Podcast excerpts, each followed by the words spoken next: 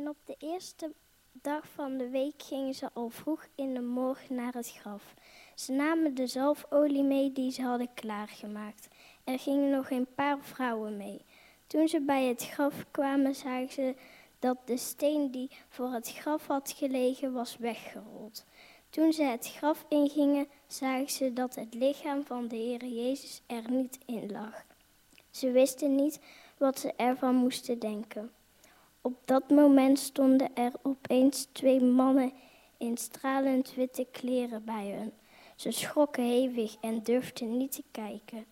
Toen zeiden de mannen tegen hen: Waarom zoeken jullie hem bij de doden? Hij leeft. Hij is hier niet. Hij is uit de dood opgestaan. Denk aan wat hij tegen jullie heeft gezegd toen hij nog in Galilea was. Toen heeft hij gezegd dat de mensenzoon door slechte mensen gevangen genomen en gekruisigd zouden worden. Maar ook dat hij op de derde dag weer uit de dood zou opstaan. Toen herinnerden ze zich die woorden weer.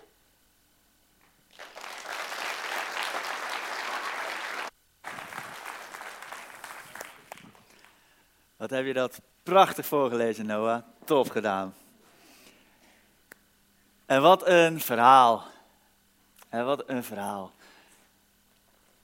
De vrienden van Jezus en zijn familie die gaan naar het graf op de derde dag dat hij dood was om hem te olieën met zalfolie, om hem eer te bewijzen. En wat blijkt is gebeurd wat Jezus al had gezegd dat er zou gaan gebeuren. Jezus is niet dood, hij leeft. En zo is dit verhaal van Pasen. Jezus die leeft. En zo hebben we met Pasen natuurlijk uh, extra vrij, hè, extra vrije dag. En uh, lekker eten. En uh, tegelijkertijd een feest met een hele verregaande, diepgaande boodschap. Hele krachtige boodschap. Van de luchtige pralinee paaseitjes gaan we nu even naar een verhaal van leven en dood. En bij Stadskerk nog 40 vinden we het belangrijk om dat verhaal over dat, leven met God, om dat concreet te maken. We leven hier in een omgeving, Eindhoven en omstreken, waar heel veel mensen zoekende zijn. En uh, dat zien we ook hier bij Stadskerk, heel veel mensen die hier komen met vragen, die zich afvragen, staat er een God? En zo ja, wie is die God dan? En uh, wij hebben hier ook wel een passie om, om samen op zoek te gaan naar wie God is. En we vinden het ook belangrijk om hier tijdens deze diensten in te gaan op wat betekent dat leven met God nou heel concreet vandaag voor jou en mij hier en nu. En dat willen vandaag wil ik dat ook uh, graag doen. Het paasverhaal concreet maken naar ons leven. En vandaag doen we dat misschien wel extra concreet, omdat we vandaag ook mensen in ons midden hebben die hebben die zoektocht gehad. En die hebben gezegd, ja, ik wil graag die keuze maken. Ik wil met God door het leven. Ik geloof dat Jezus de weg heeft gebaand, zodat ik met God kan leven. En die maken vandaag de beslissing om zichzelf te laten dopen. En dus het wordt een, eh, prachtig eh, feest wat we vandaag gaan doen. En ik wil dat eens even verdiepen, ik wil eens even inzoomen wat dat betekent eh, voor een paar minuten samen met jullie. Door een stukje te lezen uit Romeinen. Dat is een, uh, een brief die je in de Bijbel kunt lezen, geschreven door Paulus. Dat is een man die verschillende kerken stichtte. Net na het leven van Jezus op aarde ging hij de wereld over en hij stichtte een heleboel kerken. En hij schreef daar brieven naartoe waarin wij in de Bijbel kunnen lezen. En hij legt een heleboel uit en ook dit legt hij uit. In Romeinen 6, vers 3 tot en met 5 gaan we lezen, weet u niet dat wij die gedoopt zijn in Christus Jezus, zijn gedoopt in zijn dood. En wat we afgelopen vrijdag met Goede Vrijdag hebben herdacht. Jezus die stierf. We zijn door de doop in zijn dood met hem begraven. Het is stille zaterdag, gisteren. Om, zoals Christus door de macht van de Vader uit de dood is opgewekt, een nieuw leven te leiden. Als wij delen in zijn dood, zullen wij ook delen in zijn opstanding. Wat we vieren vandaag, Jezus die opstond uit de dood. En wij, zoals we hier zitten, mogen daar dus in delen. Nou, wat dat precies uh, betekent, dan gaan we eens uh, stap voor stap, die stappen van Goede Vrijdag, Stille Zaterdag naar Pasen, eens even bespreken en daarop inzoomen. te beginnen bij het delen in zijn dood. En dat is misschien wel iets ja, waar je dan liever even overheen leest. Hè? We snel naar die, die overwinning, hè, die opstanding. Maar er staat dan ook, ja, delen in zijn dood. Ja, dat, is, dat, is toch een beetje de, de grote nachtmerrie van het leven. En het staat er wel. En misschien denk je, ja, wat moet ik daar nou mee? Maar dat staat er wel. We moeten ook delen in zijn dood. En om te zien wat dat betekent, moeten wij kijken naar wat betekende dat voor Jezus. Bij Jezus zien we dat hij als God zijn goddelijkheid achter zich liet om naar de aarde te komen, mens te worden, met een heel duidelijk doel. In zijn leven op aarde vertelt hij ook aan zijn vrienden, jongens, ik zal sterven. Ik ben gekomen om te sterven. Ik zal mijn leven geven. En Jezus die dan ook, als het zover is, besluit zich over te geven. Bij Jezus zien we overgave. Jezus die zichzelf gaf. Er was geen Romeinse soldaat die zijn leven heeft genomen. Het was Jezus die zijn leven gaf. En zijn dood was niet een vervelend verloop van omstandigheden. Het was een missie die zijn climax bereikte. Dit is precies wat er moest gebeuren. En hij zei van tevoren dat het zou gaan gebeuren. En wat zien we bij Jezus? Volledige overgave. Wat betekent het om onderdeel te worden van Jezus dood? Volledige overgave. Betekent dat als jij zegt van dat wil ik, ik wil Jezus volgen, ik wil onderdeel zijn van die dood en die opstanding van Jezus, dat betekent dat overgave. Je leven in Gods hand leggen. En zeggen, niet, niet, ik wil niet langer de regie verhouden, maar, behouden, maar ik, ik geef de regie aan. Ik wil mijn leven teruggeven aan mijn schepper.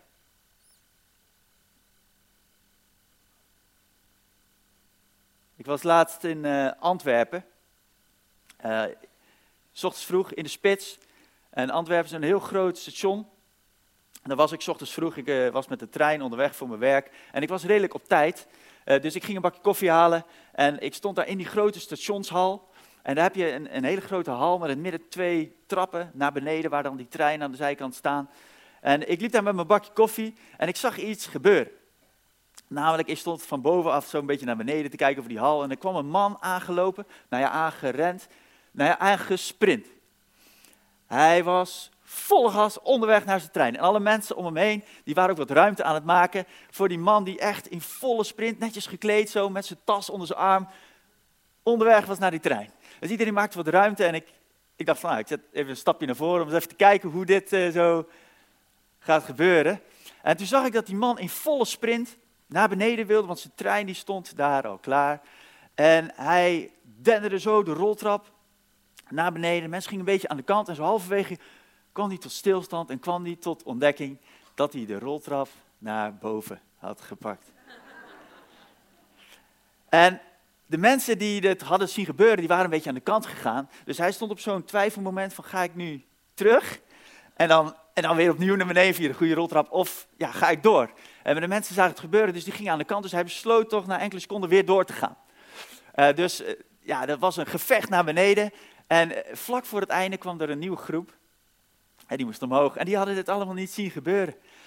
dus kwam deze man uiteindelijk toch nog tot stilstand en ging hij langzaam omhoog, terwijl hij zag hoe zijn trein voor zijn neus vertrok. Wat een treurig gezicht van een man die vocht tegen de richting in. En weet je, als we gaan leven met God, En als we die keuze hebben gemaakt, als we zo'n zoektocht hebben gehad en ergens weten, ja, ik weet dat God bestaat.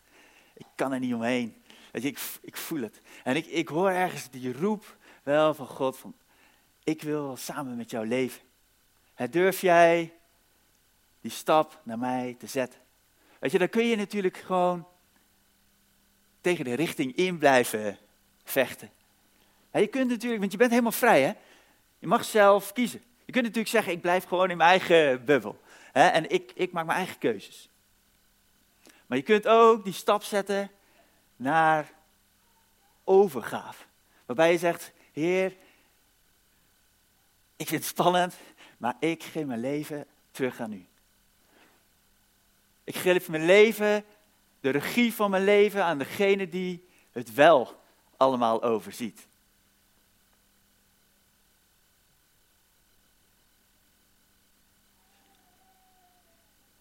En ik zal eerlijk zeggen, dit is best wel eens een, worsteling hoor. Uh, het begint met een eerste stap, met zo'n doop. En, en vervolgens is het, is het nog wel iets wat vaker terug gaat komen in je leven. overgeven.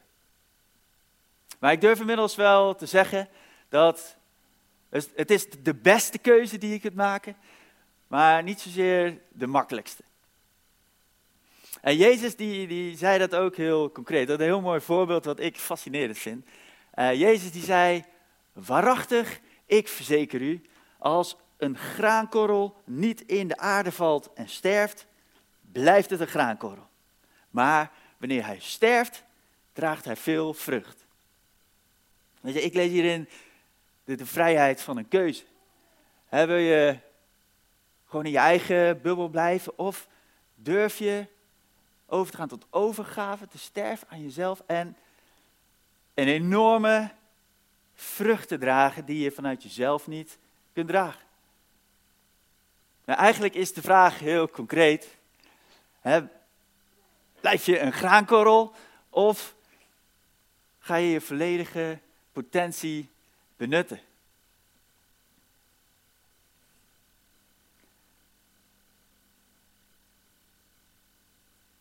En wat is dat dan, dat vrucht dragen? hoe wordt dat dan concreet? Hoe, hoe, geef je dat dan invulling? En wat is dat dan? Dat, dat nieuw leven leiden, zoals we net in die tekst lazen, vers 5. Het delen in zijn dood, dus die, die overgave om vervolgens een nieuw leven te leiden. Wat, wat is dat dan? En daar zouden we werkelijk een hele serie over kunnen doen. En dat is ook iets waar we vaak over praten hier in deze diensten. En in alles wat in alle verschillende programma's die we hebben bij Stadskerk. Dat we praten over hoe, hoe ziet dat er dan uit, dat nieuwe leven? Hoe krijgt het nou vorm? Maar ik wil er wel kort iets over noemen en bij één ding iets langer stilstaan. En dat is een vrucht. Het vruchtdragen is, is één deel iets voor jezelf. Dat is namelijk vrijkomen van je schuld en je schaamte. Van je gebrek, je tekortkoming, je pijn en je moeite, je verdriet, je teleurstelling. Want er is een God die zegt, ik wil het met jou dragen. Dat is een vrucht voor jezelf waarin Jezus zegt, ja, ik, ik heb een vrede die de vrede van deze wereld te boven gaat. Hetzelfde voor de vreugde. Een vreugde die we in deze wereld niet kunnen vinden, kunnen we vinden hier in deze, deze vrucht, het nieuwe leven. Maar het is ook nieuw leven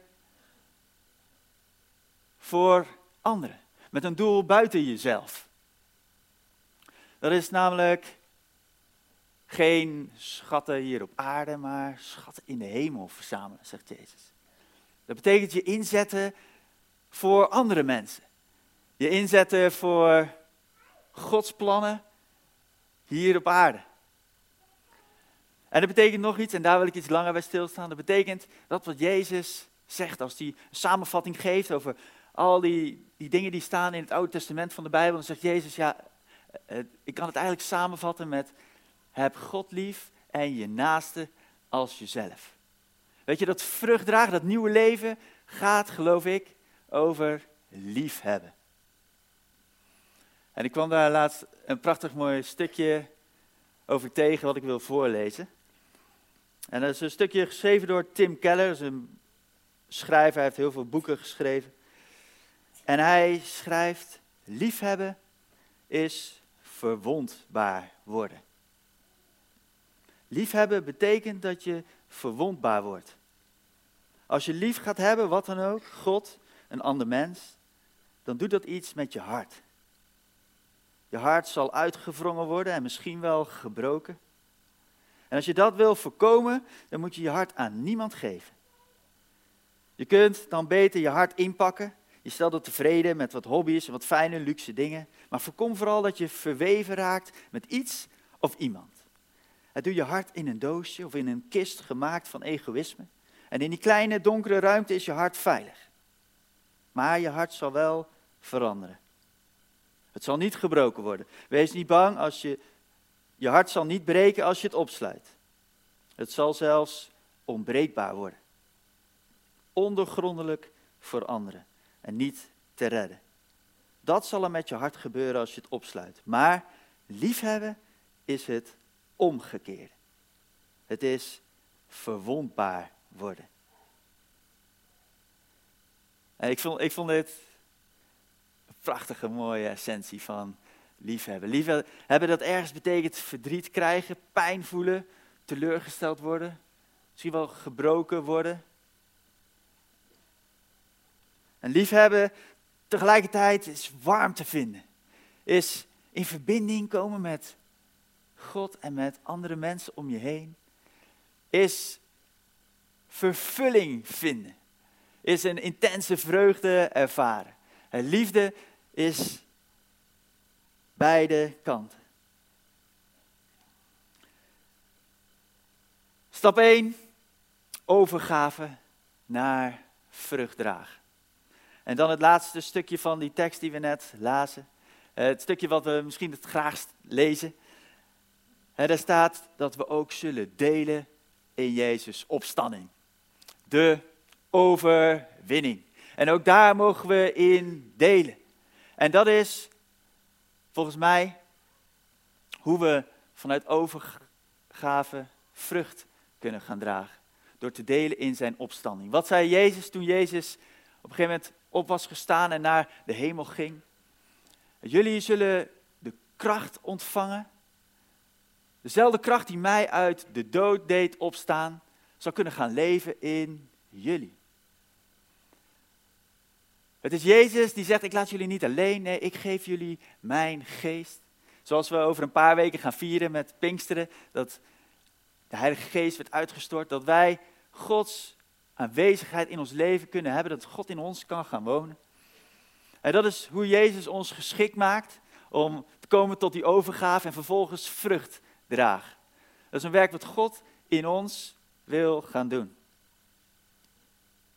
En dat is voor iedereen. Voor iedereen die hier zit. Hoe je er ook bij zit vandaag. Hoe je leven er tot nu toe ook uitgezien heeft. Dit is iets voor iedereen die hier zit. Of je nou het idee hebt dat jij heel dicht bij God bent of misschien heel ver bij Hem vandaan bent. Dit is voor iedereen. Een van de meest dorre plekken op aarde is Death Valley. De plek die dichtst bij de dood nadert.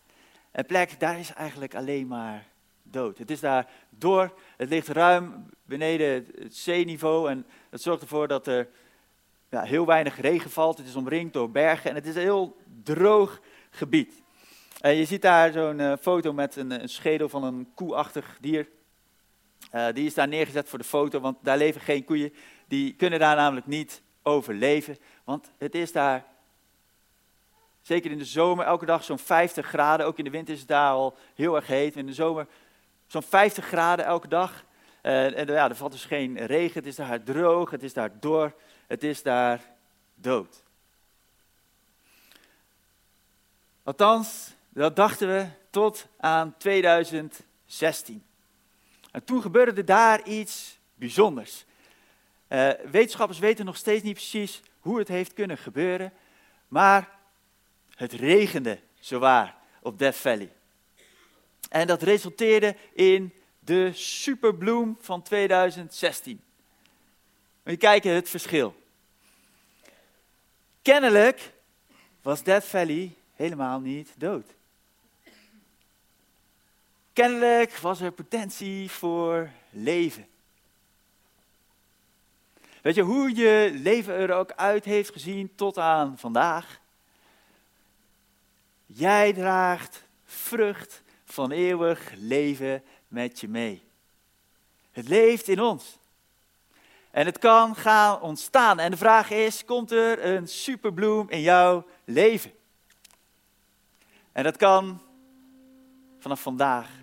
En misschien herken je dit al uit je leven en is dat gaan ontstaan, is dat gaan groeien. Maar misschien heb je die stap nog niet gezet en heb je de afgelopen periode wel ontdekt van ja, er is een God die mij roept.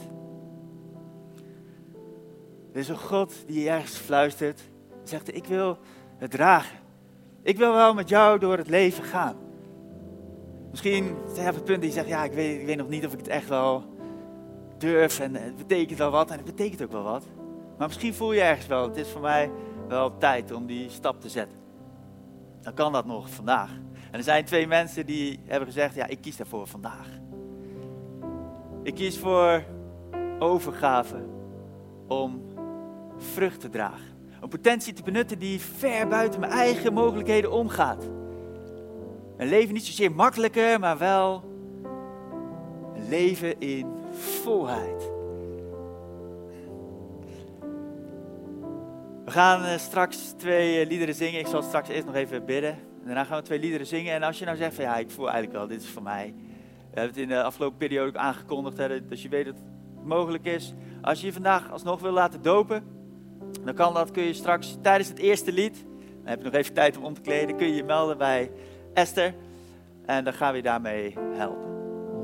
Ik wil eerst even samen bidden. Vader God, u ziet ons zoals we hier zitten. U kent ons, al kennen we u misschien nog niet. Vader, ik wil u bedanken dat u voor ons een weg mogelijk heeft gemaakt.